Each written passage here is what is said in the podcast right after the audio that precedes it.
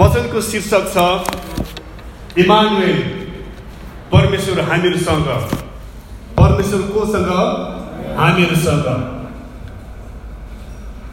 र यो शीर्षक जसै जसै क्रिसमस आउँछ यो शीर्षक चाहिँ सबैलाई थाहा हुँदै जान्छ इमानुएल क्रिसमस। अनि मलाई पनि कता कता यही विषय वचन भन्न मन लागेको छ। मैले तपाईँलाई डिभोसन पठाइराखेको छु। शुक्रबार बाहेक शुक्रबार चाहिँ हामी मण्डलीमा वचन सुन्छौँ र अरू बेला मैले डिभोसन पठाइराख्दा मैले क्रिस्मस स्पेसल भनेर पठाइराखेको छु। अनि यो स्पेसल ख्रिस्टमा मात्र होइन यो स्पेसल चाहिँ सधैँभरि हुनुपर्छ सधैँभरि हामी जीवनमा परमेश्वरको वचन चाहिँ स्पेसल हुनुपर्छ। मेरो मकसद यही हो कि वचनले हाम्रो जीवनमा काम गरोस्। इमानुल परमेश्वर हामीसँग यो कति आनन्दको कुरा हो कि परमेश्वर चाहिँ कोसँग तपाईँ र हामीहरूसँग हुनुहुन्छ? यसरी भन्नुभयो परमेश्वरको राज्य चाहिँ आइसकेको छ र त्यो चाहिँ तिमीहरूको माझमै तिमीहरूको बिचमै छ भनेर मानिसहरूलाई भन्नुभयो चेलालाई भन्नुभयो। तर आज यो वचनले तपाईँहरू हामीलाई फेरि एकचोटि सम्झाउँदछ परमेश्वर चाहिँ हामीहरूको बिचमा हुनुहुन्छ। परमेश्वर चाहिँ हाम्रो बिचमा हुनुहुन्छ। म तपाईँलाई आज केही पद खण्डमा तपाईँलाई अगुवाई गर्दै जानेछु। आउनुहोस् हामी केही समय प्रभुको अगुवाई माग्दछौँ पिता हामी यसुको नाममा तपाईँलाई धन्यवाद चाहँदछौँ। तपाईँको महान प्रेमलाई सम्झना गर्दै तपाईँको महान नामलाई हामी आज हामी फेरि झुक्न आएका छौँ।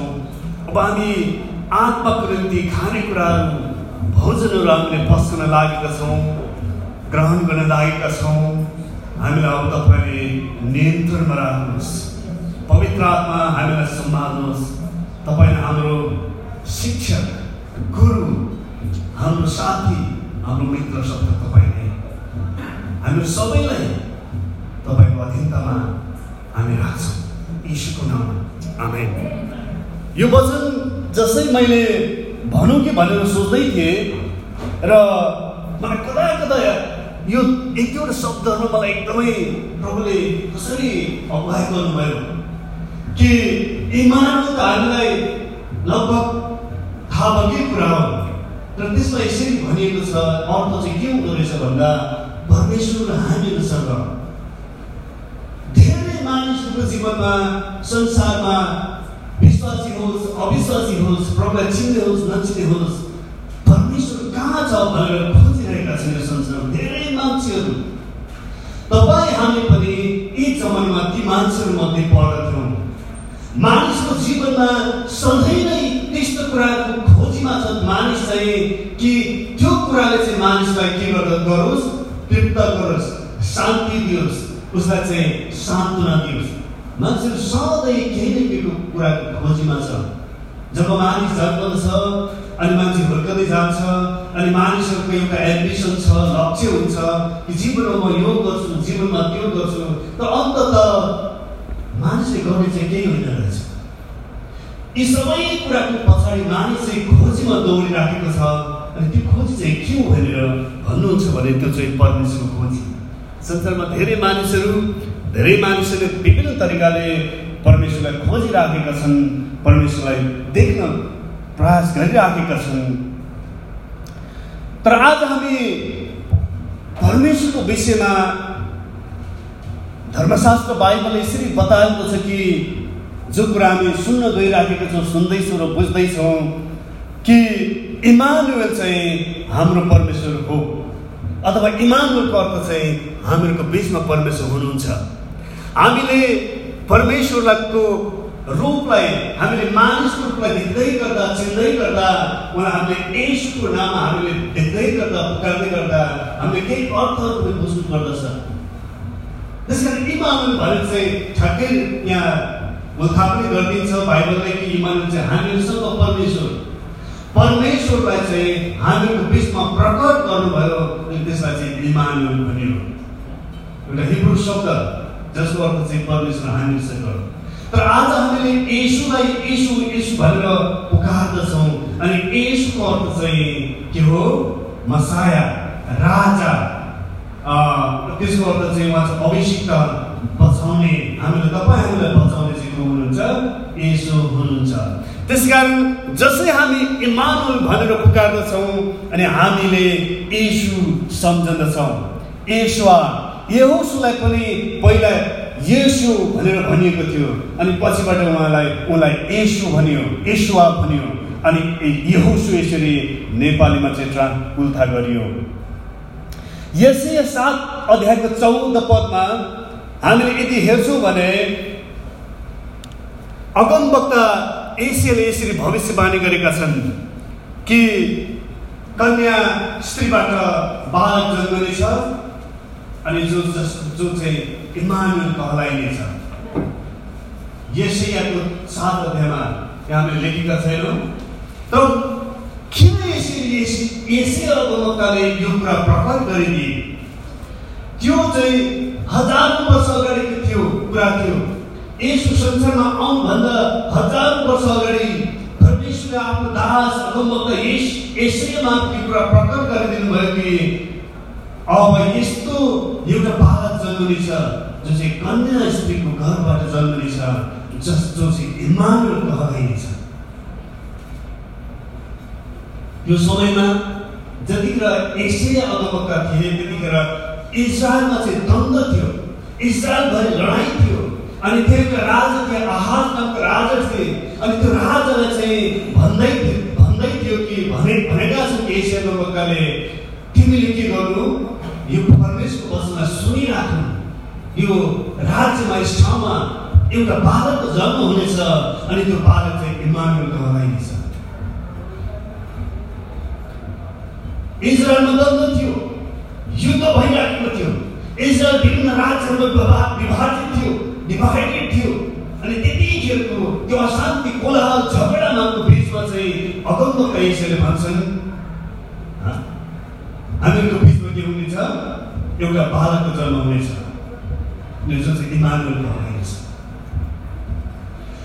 भन्नुको अर्थ चाहिँ ती सबै कोलाहलको बिचमा झगडा अशान्तिको बिचमा चाहिँ बिचमा चाहिँ एउटा बालक जन्म हुनेछ जसले चाहिँ शान्ति कायम गर्नुहुनेछ इजरायलीहरू किन यसरी झगडामा फसिरहेका थिए द्वन्द्वमा किन लडाइँमा किन उनीहरू मारमार गरिरहेका थिए भनेर भन्दा चाहिँ हामीले बुझ्न सक्छौँ इजरायलीहरूमा चाहिँ के थियो थिएन अथवा परमेश्वरको विरुद्ध उनीहरू लागिरहेका थिए अनि उनीहरूलाई परमेश्वरसँगको समाजमा ल्याउन मिलाप ल्याउनको निम्ति कसैको खाँचो थियो अनि कुनै व्यक्तिको खाँचो थियो अनि त्यो चाहिँ जन्मनु पर्ने थियो अनि यसरी एसिया अगमवक्ताले पछि आउने घटनाहरूलाई यसरी प्रकट गरिदिए एउटा बालक जन्मनेछ अनि अहिले भसल संसारमा भइरहेको अशान्ति परमेश्वरका छोराछोरी र परमेश्वरको सँग भइरहेको भनौँ द्वन्द्वमा चाहिँ त्यो बालकले के गरिदिनेछ? शान्ति कायम गरिदिनेछ। शान्तिका राजमा। आउनुहोस् हामी केही वचनहरू पढ्नेछौँ। मती एक अध्यायको अठारदेखि तेइस पद हामी सरस्वती पढ्नेछौँ। येसुको जन्म येसु ख्रिस्टको जन्म यस प्रकारले भयो अठार पद। कि उहाँकी आमा मरियमको मगन योसेफसँग भएको थियो तर उनीहरूको विवाह हुनु अघि मरियम पवित्र आत्माद्वारा गर्भवती गर्भवती भएकी थाहा भयो। तर तिनको पति युसुफ धार्मिक मानिस भएको हुनाले तिनलाई शर्ममा पाल्ने इच्छा नगरी तिनलाई गुप्तमै त्याग्ने इच्छा गरे। तब तर जब उनले यी कुरा विचार गर्दै थिए सपनामा परमप्रभुको दूत देखा परे र उनलाई यसो भने जोसेफ दाउदका छोरा तिम्री पत्नी मरियमलाई स्वीकार गर्न नडराउ किनभने जो तिनको गर्भमा हुनुहुन्छ उहाँ पवित्र आत्माबाट हुनुहुन्छ। तिमीले एउटा पुत्र जन्माउने छिन्। तिमीले उहाँको नाम यसो राख्नेछौ किनभने उहाँ उहाँले आफ्ना मानिसहरूलाई तिनीहरूका पापबाट बचाउनु हुनेछ। अगमवक्तद्वारा परमपुरले बोल्नु भएको वचन पुरा हुनलाई नै यी सबै भएका हुन्। हेर एउटा कन्याले गर्भधारण गर्नेछिन् र त्यसले एउटा पुत्र जन्माउने छिन् र उहाँको नाम इमानुएल राखिनेछ जसको अर्थ हो परमेश्वर हामीहरूसँग हले लोया तपाईँले यो बुझ्नुभयो कि कन्या मरियमको गर्भबाट चाहिँ गर्भमा चाहिँ पवित्र आत्माले के गरिदिनु भयो रहस्यको कुरा घटाइदिनु भयो मैस्ट्री अलौकिक घटनालाई घटाइदिनु भयो अनि त्यो घटनाले गर्दा कन्याको गर्भमा चाहिँ बालकको गर्भधारण भयो अनि जुन चाहिँ जन्मनु लाग्नु भएको थियो अनि तिनीहरूको घटनामा त्यो समयमा चाहिँ कन्या स्त्रीको चाहिँ मगनी भएको थियो। अनि जोसँग मगनी भएको ती मान्छेले सुन्छन्। मङ्गेतर चाहिँ गर्भवती छ। एक कान दोकान तिन कान हुँदै यो घट यो कुरा फैलिन्छ। अनि एउटा धार्मिक व्यक्ति भएको हुनाले योसुले भन् सोध्छन् उसलाई लाज लाग्छ उसलाई अप्ठ्यारो लाग्छ। अनि यसले भन्छन् म यसलाई बिहा गर्दिनँ र म उसलाई सर्व पाप पार्ने छैन। थोरै मानिसहरूको बिचमा उसलाई के गरिदिन्छु छुटकारा गरिदिन्छु। मैले तपाईँलाई अस्ति एउटा डिभोसन पढाएको थिएँ तपाईँले धेरैजना साथ सुन्नुभयो र पाउनुभयो पढ्नुभयो। कि योसेफले यो कुरा सोच्दै गर्दा परमेश्वरको आत्मा परमेश्वरले पवित्र आत्माले चाहिँ हस्तक्षेप गर्नुभयो र सपनामा दर्शन योसेफ दर्शन दिनु भन्नुभयो योसेफ तिमीले सोचको विवाह गर्न लागेका छौ र जुन कुरा तिमीले सोच्न लागेका छौ त्यो नसोच्नु हुँदैन त्यो गर्नु हुँदैन। तर तिमीले त्यो स्त्रीलाई विवाह गर्नुपर्छ। र त्यो स्त्रीबाट एउटा बालकको जन्म हुनेछ जसको नाम चाहिँ यसो हुनेछ अनि जो चाहिँ इन्मानुअल कहलाइने हुनेछ। पवित्र आत्माले योसुको जीवनमा यसरी हस्तक्षेप गर्नुभएको हुनाले यसो के गर्नुभयो संसारमा यसरी एउटा परिवारमा पुत्र भएर परिवारको पाहुनाको अधीनतामा रहनु पुत्र कहलाइनु भयो। मानिसले धेरैचोटि परमेश्वरको योजना थाहा नपाउँदा नगर्दा चाहिँ तपाईँ हामी पनि धेरैपल्ट के गर्दछौँ। हामी आफ्नै बाटोमा लाग्छौँ। अनि कतिपटक चाहिँ परमेश्वरले हामीलाई कति कष्टका समयहरूबाट कतिपटक हामी अप्ठ्यारो परिस्थितिबाट भएर कतिपटक चाहिँ काममा काम निमन्त्रण हामीलाई सोझाउनुहुन्छ। तपाईँले देख्नुहुन्छ यहाँ योसेफले जुन कुरा सोच्दै थियो अनि योसेफलाई सपनामा परमेश्वरको आत्मा पवित्र आत्माले दर्शन दिनुभयो अनि करेक्ट गर्नुभयो। र यो परमेश्वरको योजना पुरा हुनको निम्ति त्यो घटना हुन पाएन। परमेश्वरको योजना यसरी पुरा भयो। म तपाईँलाई एक दुईवटा पोइन्टहरू सरस्वती बताउन चाहन्छु। पहिलो पोइन्ट चाहिँ छ परमेश्वरबाट परमेश्वर मानिसको रूपमा जन्म लिएर संसारमा आउनुभयो। परमेश्वर मानिसको रूपमा जन्म लिएर संसारमा आउनुभयो। यो घटना देख लाग्दछ अचम्म लाग्दछ कि किन परमेश्वर चाहिँ मानिसको रूपमा जन्मनु पर्ने हो? हामीले देख्छौँ इमानुअल अर्थात् परमेश्वर मानिसहरूसँग भन्नुको अर्थ चाहिँ परमेश्वर मानिसहरूको बिचमा बस्नको निम्ति आउनुभयो। जो चाहिँ को हुनुहुन्छ यसु हुनुहुन्छ। यसुको रूपमा उहाँ चाहिँ मानिसको रूपमा बस्नको निम्ति आउनुभयो। युना एक अध्यायको र चौध हामीले पढ्छौँ। आदिमा वचन हुनुहुन्थ्यो। वचन परमेश्वरसँग हुनुहुन्थ्यो। अनि अनि वचन परमेश्वर हुनुहुन्थ्यो। आदिमा जुन कुराहरू थिए आदिमा चाहिँ प्राचीन कालमा संसारको उत्पत्ति हुनुभन्दा अगाडि नै जहाँ जतिखेर परमेश्वरको अस्तित्व परमेश्वर मात्रै अस्तित्वमा हुनुहुन्थ्यो त्यतिखेर पनि को हुनुहुन्थ्यो? वचन हुनुहुन्थ्यो। त्यस कारण हामीले वचन सुनिराखेका छौँ। तर अब परमेश्वर वचन हुनुहुन्थ्यो परमेश्वर हुनुहुन्थ्यो। परमेश्वर अब के गर्नुभयो? देहधारी हुनुभयो। चौध पदले भन्दछ परमेश्वर देहधारी अथवा वचन देहधारी हुनुभयो। अनि के हुनुभयो? अनुग्रह र सत्यताले पूर्ण भई हाम्रो बिचमा बास गर्नुभयो। यसो चाहिँ संसारको सुरुवातको अघिदेखि नै संसारको उत्पत्ति हुनुभन्दा अघिदेखि नै यसो हुनुहुन्थ्यो। तर यसो त्यतिखेर जसरी उहाँ चाहिँ शरीरमा हुनुहुन्न थियो अब यसो चाहिँ के गर्नुभयो? वचनमा हुनुहुन्थ्यो आत्मामा हुनुहुन्थ्यो परमेश्वर हुनुहुन्थ्यो अनि यसो चाहिँ अब देहधारी हुनुभयो। शरीरमा आउनुभयो। तपाईँ हामी जस्तै मास र मास र रगतले बनेको देहधारी शरीर लिएर आउनुभयो। अनि उहाँ चाहिँ अनुग्रह अथवा परमेश्वर सारा अनुग्रह सारै सत्यता र धार्मिकता यसमा त्यस कारण आएर बास हलेलुया त्यसै कारण परमेश्वर स्वयं मानिसको रूपमा पुत्र भएर मानिसको पुत्र भएर जन्मनु भयो। यसोलाई हामीले किन मानिसको पुत्र भन्छौँ त परमेश्वरको पुत्र भन्छौँ भनेर भन्दा चाहिँ यद्यपि यसो परमेश्वर हुनुहुन्थ्यो तर उहाँले मानिसको कोखबाट जन्म लिनुभयो। कसरी जन्म लिनुभयो? पवित्र आत्माद्वारा। त्यसकारण तपाईँले हामीले हामीले यो कुरामा यो कुरा थाहा गर्नुपर्दछ। यसुको चाहिँ संसारिक बाबु हुनुहुन्न। यद्यपि यसुको बाबु भनेर हामी बुझ्दछौँ कि पारिवारिक बाबु हामी योसित बुझ्दछौँ तर यसुको रगतको बाबु चाहिँ परमेश्वर हुनुहुन्छ पवित्र आत्मा हुनुहुन्छ। त्यसै कारण पछिबाट जुन कुराहरू यसुले गर्नुभयो हाम्रो निम्ति क्रुसमा टाँगेर उहाँ गर्नुभयो मानिसको पाप उठाइने निम्ति मानिसलाई पाप क्षमा जुन कुरा गर्न सक्नुभयो नि कारण चाहिँ के थियो भने यसुको बाबु चाहिँ संसारिक बाबु थिएनन् परमेश्वरै हुनुहुन्छ त्यसैले यसो चाहिँ हाम्रो बिचमा के गर्नुभयो परमेश्वर हाम्रो बिचमा देहधारी भएर शरीरको रूपमा आउनुभयो कलसिएको पत्र अध्यायले भन्छ उहाँ अदृश्य परमेश्वरको प्रतिरूप सारा सृष्टिका ज्येष्ठ हुनुहुन्छ तपाईँले जब यसुलाई देख्नुहुन्छ यसुकोलाई यसुको नजिक जानुहुन्छ। यसुको बारेमा थाहा पाउनुहुन्छ। यसुको बारेमा विचार गर्नुहुन्छ सोच्नुहुन्छ र सुन्नुहुन्छ भने तपाईँले साँचो परमेश्वर स्वर्ग र पृथ्वीका मालिक महान परमप्रभुलाई तपाईँले सुन्नुहुन्छ। त्यस कारण आज तपाईँ हामीले यसु यसु यसु भन्नुपर्ने कारण यही हो।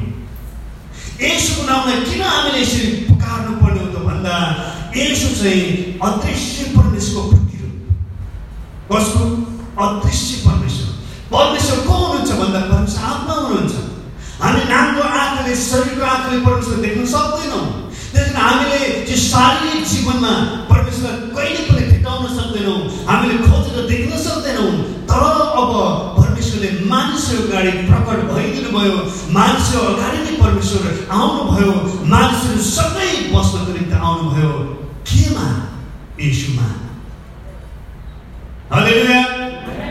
त्यस कारण तपाईँ जब यीशु भन्नुहुन्छ नि तपाईँले अदृश्य परमेश्वरलाई पुकार्नुहुन्छ जब तपाईँ यीशुको बारेमा सुन्नुहुन्छ नि तपाईँले अदृश्य परमेश्वरको बारेमा सुन्नुहुन्छ जब तपाईँले यीशुले यीशुले गर्नुभएको कार्यहरू देख्नुहुन्छ नि त्यो चाहिँ स्वर्गको परमेश्वरले गर्नुभएको कार्य हो यीशु एकचोटि के गर्नुभयो ठुलो भेटको अगाडि यीशु जानुभयो ती भेडहरू चाहिँ के थिए भेडाहरूका गोठा र बेगरका भेडाहरू आफ्नै तालमा लागिरहेका मानिसहरू थिए जे पायो त्यही गरिरहेका मानिसहरू उनीहरूलाई कसैले डोराइरहेका थिएनन् अनि ती मानिसहरूलाई देखेर यीशु रुनुभयो यीशुमा दयाले भरियो यीशु दयाले भरियो तपाईँ हामीले कुरा बुझ्नुपर्छ यसमा भएको त्यो हृदय यसमा भएको त्यो दया यसमा भएको त्यो माया चाहिँ अदृश्य परमेश्वरको माया हो त्यसैले आज तपाईँले यसोलाई विश्वास गरेको हुनाले तपाईँले यदि मानिसहरूलाई सुसमाचार सुनाउनुहुन्छ मानिसलाई तपाईँले परमेश्वरको नाममा प्रचार गर्नुहुन्छ मानिसलाई तपाईँले प्रेम गर्नुहुन्छ भने त्यो चाहिँ परमेश्वरको प्रेम हो त्यो चाहिँ के हो परमेश्वरको प्रेम मैले तपाईँलाई अघि सुरुमा भने कृपया तपाईँले एकअर्कालाई अभिवादन गर्नुहोस् भन्नुपर्दा चाहिँ तपाईँले ख्रिसको प्रेमलाई साँच परमेश्वरको तपाईँले एकअर्कालाई प्रकट गरिदिनुहोस् तपाईँले बाहिर जानुहोस् त हामी मेट्रोमा खोजाखोज भएर हिँड्छौँ तपाईँले कसैले अभिवादन गर्छ तपाईँले कसैको कसैले तपाईँलाई मतलब गर्दैन तर किन मण्डलीमा हामी एकअर्काको मतलब गर्छौँ किन हामी प्रार्थना गर्छौँ एकअर्कालाई किन हामी एकअर्का खोजी गर्छौँ भन्दा हामीमा इमान हुनुहुन्छ हामीमा परमेश्वर चाहिँ प्रकट हुनुभएको छ अनि जो चाहिँ यसो हुनुहुन्छ हुनुहुन्छ त्यसै कारण हाम्रो आँखाले देख्न नसके तापनि परमेश्वर हामीहरूको बिचमा देखोस् भनेर हामीहरू आँखाले देखोस् भनेर परमेश्वर हाम्रो बिचमा आउनुभयो। यसोले त हामीले देख्न सक्यो नि त। यसोलाई हामीले देख्न सक्यौँ। मानिसहरूले यसोलाई देखे यसोले गर्नुभएको सारा कुराहरू यस मानिसहरूले देखे यसोले गर्नुभएको आश्चर्य कुराहरू देखे। भनौँ आदिहरूलाई शान्त पार्नुभएको कुराहरू देखे भूतहरूलाई धपाएको कुराहरू देखे अनि त्यो कुरा देखेर कारणले मानिसहरूले भन्न थाले यो चाहिँ परमेश्वर साँचो परमेश्वरको पुत्रबाट हुन आएको यसोको जीवनमा परमेश्वर सारा अनुग्रह सत्य र धार्मिकता प्रकट भएको किनभने उहाँ चाहिँ इमानुएल हुनुहुन्छ त्यसकारण परमेश्वर हामीहरूको बिचमा बास गर्नको निम्ति मानिसको ठाउँमा जन्म लिन लिएर आउनुभयो अर्को एउटा प्रश्न छ अथवा एउटा पोइन्ट छ किन परमेश्वर मानिस भएर जन्मनु भयो हुन त यो प्रश्नको बिचमा उत्तर पाइसकेका छौँ। मध्य आठ अध्ययको सत्र पदले भन्दछ। मध्य आठ अध्यायको सत्र पद Lord. Thank you, Lord. सायद यहाँ छैन जुन मैले लेखेको। कि यसै अगमवक्ताले बोलेको अगमबानी के ओके उहाँ आफैले हाम्रा दुर्वक्ताहरू लिनुभयो। यसै अगमवक्ताले यसरी अगमबानी गरेका थिए। यो एकजना बालक जन्मिनेछ जो चाहिँ शान्तिको राजकुमार हुनुहुन्छ जो चाहिँ मानव कहलाइने हुनेछ तर उहाँले त्यो कुराहरू गर्नुहुनेछ। उहाँले के गर्नुहुनेछ? हाम्रा दुर्बलताहरू लिनुहुनेछ। हाम्रो रोगहरू हटाइदिनु सम्झाइदिनुहुनेछ। यदि कसैले तपाईँलाई गर्दैन भने तपाईँ उसको किन लाग्नुहुन्छ? यसले हाम्रो जीवनमा भलाइ गर्नुहुन्छ यसले हाम्रो दुर्बलताहरू लिइदिनु भयो यसले हाम्रो सारा रोगहरू लिइदिनु भयो यसो जब मानिसहरूमा आउनुभयो कि यसोले यी कुराहरू गर्नुभयो र यही कुरा गर्नको निम्ति परमेश्वर देहदारी हुनुभयो मानिस आफैले चाहिँ यो कुरा गर्न सक्ने अवस्थामा थिएन। पापको शक्तिले संसारमा गाजेको छ त्यसकारण यो संसारको पापको शक्तिबाट छुटाउनको निम्ति मानिस आफूले केही गर्न सक्ने अवस्थामा रहेन त्यसकारण मान्छेको चिन्ह हस्तक्षेप गर्नु पर्यो पापमाथि हस्तक्षेप गर्नु पर्यो परमेश्वरले अनि त्यो कुरा चाहिँ यसु स्वयंले गर्नुभयो परमेश्वर स्वयं इमान भएर गर्नुभयो मानिसको माझ प्रकट भएर उहाँले यो कुरा गर्नुभयो त्यसकारण यो कुरा चाहिँ कसले भयो गर्नुभयो यसुले गर्नुभयो कि हामीहरूको सारा अधर्म उहाँले लिइदिनु भयो हाम्रो पापहरू लिइदिनु भयो र हाम्रो रोगहरू उठाइरहनु भयो तपाईँले एसिया त्रिपन्नको पाँच अध्याय त्यस गरी पहिलो पद दुई अध्यायको चौबिस पदहरू हेर्नुभयो भने कि उहाँको कोराको चोटहरूद्वारा हामी लिएको भयो उहाँ चाहिँ एउटा मारिनको निम्ति तयारीको थुमा जस्तै बन्नुभयो तपाईँ र मेरो निम्ति।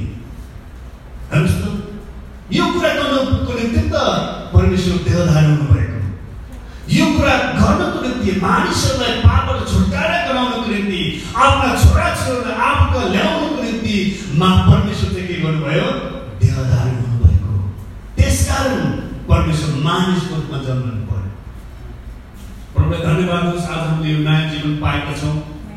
हामीले धेरैजना म तपाईँको जीवनमा हरेकको जीवनमा एउटा एउटा गवाई दिएर आएको छु। हामीले हरेकको जीवनमा परमेश्वर अचम्मको काम गर्नुभएको छ। जतिखेर हामीले प्रभुलाई चिनेका थियौँ त्यो समयमा चाहिँ हाम्रो जीवन कस्तो थियो। हामी निराशा छटपट्टि हाम्रो कुरा कसैलाई भन्दा पनि हामीलाई सन्तुष्ट हुँदैन थियो। तर आज तपाईँले यसु प्रभुलाई भन्नुभयो र भन्नुहुन्छ त्यस कारण आज तपाईँको जीवनमा शान्ति। एसियाको तपाईँले भनेका छन् शान्तिका राजकुमार प्रिन्स अफ पिस आज यदि संसारमा शान्ति छ भने चाहिँ मण्डलीमा छ।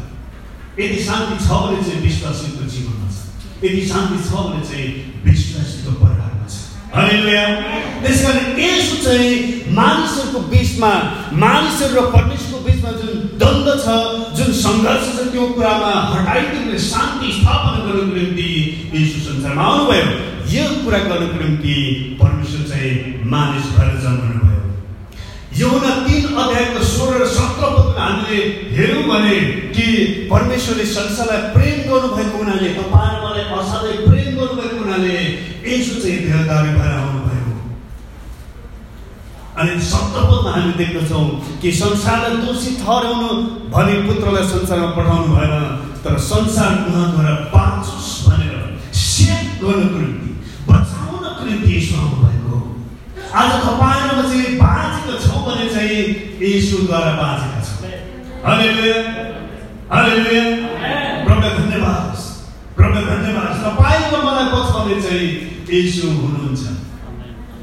हुन त संसारमा मानिसहरू तपाईँ जानुभयो लाखौँ मानिसहरूको भिडभाड छ। भित्र चाहिँ मरिराखेका भित्र चाहिँ भित्र छैन शान्ति छैन।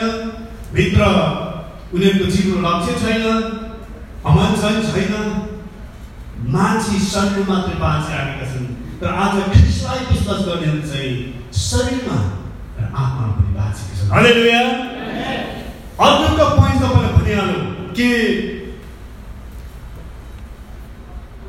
किन यसो हाम्रो निम्ति क्रुसमा मर्नुभयो यो प्रश्नको उत्तर हामीले यही पदबाट देख्छौँ यसो तपाईँहरू निम्ति यस कारण मर्नुभयो कि तपाईँहरू हामीले के पाउन सकौँ जीवन पाउन सकौँ जीवन पाउन सकौँ एउटा दसको दसले भन्दछ। त्यो जीवन चाहिँ कस्तो खालको जीवन? प्रशस्तताले भरिएको जीवन। प्रशस्तताले भरिएको जीवन। अनि त्यो प्रशस्तता चाहिँ त्यो आत्मिक प्रशस्तता आर्थिक प्रशस्तता भौतिक प्रशस्तता। तपाईँले कुन कुराले चाहिँ प्रशस्ततालाई प्रशस्तता भन्नुहुन्छ? तपाईँसँग एकदमै भरिएर लाखा पाखा भयो। कुन कुराले तपाईँ कस्तो अवस्थामा त्यो तपाईँले त्यसलाई तपाईँ प्रशस्त भन्नु भन्नुहुन्छ भन्दा धेरैले चाहिँ भौतिक प्रशस्तलाई भौतिक आशिषलाई रुपियाँ पैसालाई दाँच्ने गर्दछ। तर मैले तपाईँले कुरा भन्न खोजेको यसो भन्न खोजेको होइन। परमेश्वरले चाहिँ तपाईँ विश्वासीहरूलाई परमेश्वरका छोराछोरीलाई रुपियाँ पैसा दिनुहुन्न भन्नु खोजेको त होइन मलाई कि तिनको दसले भन्दछ कि ढिकुटीमा के गर दशांश ल्याऊ। अनि स्वर्गका ढोका मैले खोलेर आशिष बर्साउँछु कि बर्साउँदैन भनेर जाँच हेर प्रभुले आशिष दिँदै नै हुन्छ। भौतिक प्रशस्ता प्रशस्त आशिष दिनुहुन्छ। तर पहिला चाहिँ परमेश्वरले आत्मिक प्रशस्तता ल्याउनुहुन्छ जब तपाईँ आत्मकर्म दौड बन्नुहुन्छ दुष्टको अगाडि तपाईँ लडाइँ गर्न तयार हुनुहुन्छ वचनमा तपाईँ खारिनुहुन्छ आत्मामा तपाईँ बलियो हुनुहुन्छ तपाईँलाई सब थोक दिइनेछ तपाईँको गाडी अरू चाहिँ अरू चाहिँ पछि लाग्दै लाग्दै लाग्दै लिएर आउनेछ त्यसै कारण प्रभुले तपाईँ मलाई चाहिँ प्रशस्तको जीवनको दिनको निम्ति यस चाहिँ के गर्नुभयो? क्रुसमा मर्नुभयो। क्रुसमा उहाँ मर्नुभयो। एउटा पद पढेको योभन्दा पछाडि कि अनुस हामीले सबै पढेछौँ उहाँ सबैका निम्ति मर्नुभयो। ताकि बाँच्नेहरू अपाउँछु आफ्नै निम्ति बाँच्ने होइन तर उहाँको निम्ति बाँच्नु। जो तिनीहरूको खातिर गर्नुभयो मर्नुभयो र फेरि जीवित उठाइनुभयो। म यो पद खण्डमा एक दुईवटा पदहरूमा तपाईँलाई एकदम गहिरोसँग सोच्नुहोस् भनेर म तपाईँलाई भन्न चाहन्छु। को हाम्रो निम्ति मर्नुभयो? परमेश्वरको देहधारीमा प्रकट हुनुभएको यीशु। तर उहाँले हामीलाई यसकारण बचाउनको निम्ति मर्नुभयो उहाँ क्रुसमा हामीलाई बचाउनको निम्ति मर्नुभयो तर त्यो बचाउनुको पछाडि दुई तिनवटा उद्देश्य छ। दुई तिनवटा उद्देश्य हामीले बुझ्नुपर्छ। एउटा चाहिँ उहाँले हामीलाई अनन्त जीवन दिनुहुन्छ। स्वर्गमा त उहाँको ठाउँ छ। तपाईँ स्वर्गमा जानुहुन्छ। तपाईँले वचन ग्रहण गरिसकेपछि यसोलाई ग्रहण गरिसकेपछि तपाईँले मुक्ति पाउनुहुन्छ। तर जिउँदै गर्दा चाहिँ तपाईँले के गर्ने हो त वचनले भन्दछ कि ताकि बाँच्नेहरू अब उसो आफ्नै निम्ति बाँच्ने होइन उहाँ चाहिँ कसको निम्ति बाँच्छन् उहाँको निम्ति यसले यदि तपाईँहरू मलाई जीवन दिनुभएको छ भने यसले तपाईँलाई मलाई मुक्ति दिनुभएको छ भने के हामीले स्वर्गमा मात्रै मुक्ति पायौँ भनेर बस्ने हो के हामीले अनन्त जीवन मात्रै पायौँ भनेर बस्ने हो र यो संसारमा जिउन चाहिँ हामी कसरी जिउने त बाइबलले भन्दछ यदि बाँच्नेहरू चाहिँ यसरी बाँचोस् उहाँहरूको निम्ति बाँचोस् आज हामीले बाँच्दै गर्दा जिउँदै गर्दा प्रभुको आराधना गरेर हामी एउटा जीवित व्यक्ति बाँचेका मानिसहरू भएर खडा हुँदै गर्दा हामीले सोच्नुपर्ने कुरा चाहिँ यो छ हामीले कसरी बाँचिरहेका छौँ हामीले कसरी जिइराखेका छौँ? हामीले जिउँछौँ भने चाहिँ हामीले ख्रिसको निम्ति जिउनु पर्छ हामीले बाँच्छौँ भने चाहिँ हामीले ख्रिसको निम्ति बाँच्नु पर्दछ हामीले यदि हामीले जिइराखेको छौँ भने चाहिँ हामीले जिउँदै गरेको जीवन चाहिँ ख्रिसको निम्ति जिएको होस्। मेरो यो प्रार्थना छ सेभेन क्रेस नेपाली मण्डली ख्रिसको निम्ति बाँच्नेछ। सेभेन क्रेस नेपाली मण्डली ख्रिसको निम्ति जिउनेछ। सेभेन मण्डलीको हरेक योगदान प्रभुको निम्ति बाँच्नेछ र खडा हुनेछ यसरी भन्नुहोस् म ख्रिसको निम्ति बाँच्नेछु किनकि उहाँ मेरो निम्ति मर्नुभयो। र ख्रिसको निम्तिमा बाँच्नु यसुको निम्ति बाँच्नु भनेको चाहिँ के हो त? हाम्रो अगाडि प्रभुले धेरै कुराहरूको जिम्मेवारी राखिदिनु भएको छ। यदि हामी बाँच्छौँ भने हामीले अरूलाई पनि बचाउनु छ हो जीवित जिउनु भएर बाँचेको मानिसहरू यदि हामीले आफू बाँचेका छौँ भने प्रभुले हाम्रो जीवनबाट काम गर्नुहुन्छ र आज तपाईँ र मैले धेरै मानिसहरू बताउनु परेको छ आज तपाईँ र मैले धेरै मानिसले ख्रिस्टको प्रेम बाँड्नु परेको छ ख्रिस्टको मुक्तिलाई बाँड्नु परेको छ ख्रिस्टको सुसमाचार घोषणा गर्नु परेको छ अहिले मैले केही हप्ता अगाडि सेनाको विषयमा उदाहरण भनेको थिएँ यदि हामी ख्रिस्टको सेना हो भने चाहिँ नम्बर एक सेना कुनै पनि ठाउँमा सुति बसेर ऊ खडा हुन्छ। खुट्टामा खडा भएर ऊ सेना हो त उसले तन्ता रेडी भएर बस्नुपर्छ। दोस्रो ऊ चाहिँ छ ऊ चाहिँ काम गर्नुपर्छ। यदि उसलाई आदेश दिएको छ भने ऊ चाहिँ उसले चाहिँ गएर काम गर्नुपर्छ। सेनाको काम चाहिँ लडाइँ सेनाको काम चाहिँ रक्षा हो।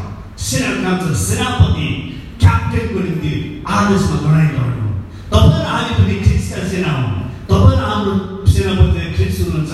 अनि हाम्रो सेनापतिले हामीलाई यो आदेश दिनुभएको छ कि सारा संसारमा के गरेर सुसमाचार सुनाऊ अनि सारा संसारमा गएर ख्रिस्टको प्रेमलाई बाँड बत्तिसमा देऊ ख्रिस्टको मुक्तिलाई घोषणा गर्छ घोषणा गर बिरामीलाई चङ्गाइदेऊ बन्धुमा परेकोलाई स्वतन्त्र गर यो चाहिँ तपाईँ र मलाई ख्रिस्टले आज्ञा दिनुभएको छ आज तपाईँ तयार हुनुहुन्छ ख्रिस्टको निम्ति बाँच्न तयार हुनुहुन्छ ख्रिस्टको निम्ति काम गर्न तयार हुनुहुन्छ ख्रिस्टको निम्ति तपाईँ आदेश दिइसक्नु भएको छ आदेशलाई पर्खिराख्ने होइन हाम्रो आदेश चाहिँ अलरेडी डन पहिले आइसक्यो मलाई कोही आदेश दिएला कोही हेर्नु पर्यो बताउनु पर्यो मती अठाइस कहाँ छ बरस सारा होइन आदेश चाहिँ तपाईँले भइसक्यो कमान्ड कमान्ड अलरेडी डन भइसक्यो आदेश चाहिँ तपाईँको भइसकेको छ त्यस कारण तपाईँ आदेश पर्खेर नबस्नुहोस् हामी कहिले मलाई यसले भन्न हो कहाँ गएर के गरौँ आदेश तपाईँलाई भइसक्यो।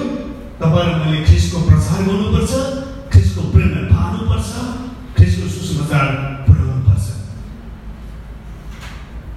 तर यसो भन्दै गर्दा म तपाईँले एउटा कुराहरू सचेत गराउन चाहन्छु। पहिलो ख्रिस्टको अगुवाई परमेश्वर अगुवाईमा हामीले यो कुरा गर्न आवश्यक छ। सेनापतिले हामीलाई आदेश दिएका छन्। र सेनापतिले हामीले एउटा म्यान्डेट एउटा आज्ञा दिएका छन् तिमीलाई यो यो यो गर्नु यसरी यसरी गर्नु अनि हाम्रो सेनापति चाहिँ महान हुनुहुन्छ जब हामी सेनापतिको आज्ञामा गर्छौँ त्यो आज्ञा चाहिँ हामीले यसरी पालन गर्नुपर्छ कि त्यो चाहिँ सेनापतिकोले भनेअनुसारै हुन सकोस् संसारमा आज धेरै घटना घटिराखेका छन् तपाईँको अगाडि र पछाडि अदृश्य शक्तिहरू छ औषधहरू अवरोधहरू छन् तपाईँले प्रभुको शक्तिमा खडा भएर यी बाधा अवरोध छिचोल्दै प्रभुको राज्यको निम्ति काम गर्नुपर्छ हालेलुया त्यसकारण म तपाईँलाई आज यो वचनको अन्त्य गर्दै गर्दा यही कुरामा जोड दिन चाहन्छु प्रियहरू तपाईँ र म चाहिँ मुक्ति पाएका मानिसहरू अनि यो मुक्तिको पछाडि म सधैँ एउटा कुरामा जोड दिन गर्छु। कसै न कसैले ठुलो मूल्य चुकाएका छन् अनि उहाँ चाहिँ यसो हुनुहुन्छ। अनि त्यो मूल्य हामी कुनै अरू मूल्यले दिन सक्दैनौँ। हाम्रो मुक्तिको मूल्यलाई हामीले दिन सक्दैनौँ। अनि खालि हामीले गर्नुपर्ने कुरा चाहिँ प्रभुलाई धन्यवाद दिनु। अनि प्रभुको अगाडि जाने। हो प्रभुको अगाडि पुनः टेक्ने।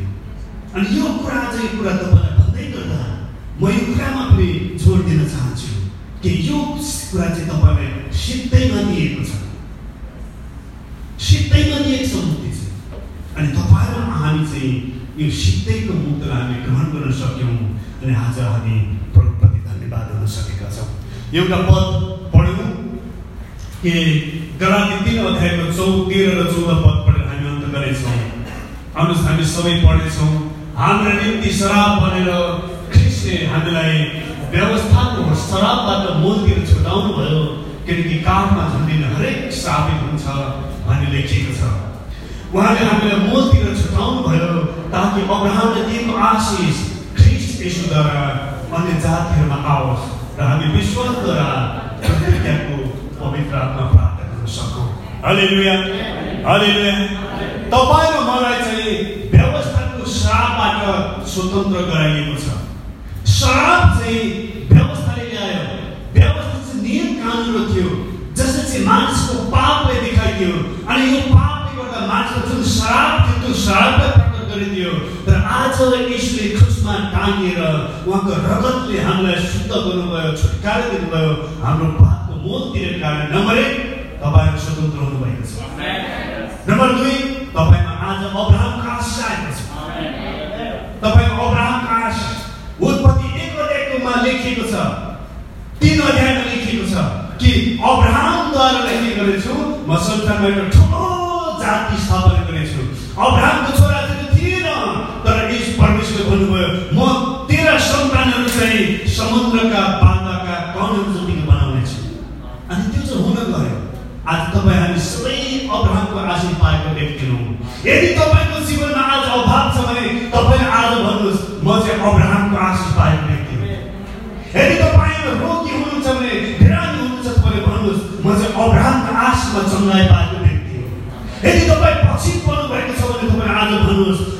अब्राहमको आशिषमा अगाडि बढ्ने हालेलुया म तपाईँको यो कुरामा फेरि जोड दिन चाहन्छु यदि तपाईँ आशिष व्यक्ति हो भने तपाईँ खुसी हुनुहोस् तपाईँ प्रसन्न हुनुहोस् तपाईँ प्रफुल्ल हुनुहोस् म एकजना पास्टरको हिजो एउटा गोठालेको हिजोले मानिसको जीवनमा त्यो खुसी आइरहेको छ छैन भनेर म सधैँ हेर्ने गर्छु त्यो खुसी चाहिँ मण्डलीमा मात्रै उनीको जीवनमा हामीहरू हरेकको जीवनमा त्यो खुसी आउनुपर्छ। त्यो आश अब्राहमको आशिष आउनु पर्दछ किनभने तपाईँहरूमा चाहिँ आशिषित मानिस हो। मनभरि तनाव टेन्सन अनुहार पनि के बिग्रिएको? निराश त्यस्तो मानिसको आशिष भनेर भन्नु आशिष व्यक्ति भन्नुहुन्छ तपाईँ कसरी भन्ने? आजदेखि तपाईँ हामीले यो कुरा घोषणा गरौँ निराशाको कुराहरू हुनेछन् तनावको कुराहरू हुन्छन् दुःख पनि पर्छ। तापनि सबै कुरामाथि यसले हामीलाई विजय दिनुभएको छ। तपाईँहरूमा चाहिँ शराबबाट छुटकारा पाएको मानिस। अब्राहमको आशिष पाएको मानिस। तपाईँहरूमा चाहिँ तपाईँहरूमा चाहिँ खुसी प्रसन्न आनन्दित मानिस हालेलुया प्रभुलाई धन्यवाद होस् प्रभुलाई धन्यवाद हामीहरू आउनुहोस् हामी उठ्दैछौँ प्रभुलाई धन्यवाद दिउँ। हाम्रो वचनको समय सकिएको छ। म तपाईँ छिट्टै गरेर प्रभुको टेबलमा लान चाहन्छु। तपाईँले आजको वचनबाट आशिष पाउनुभयो भनेर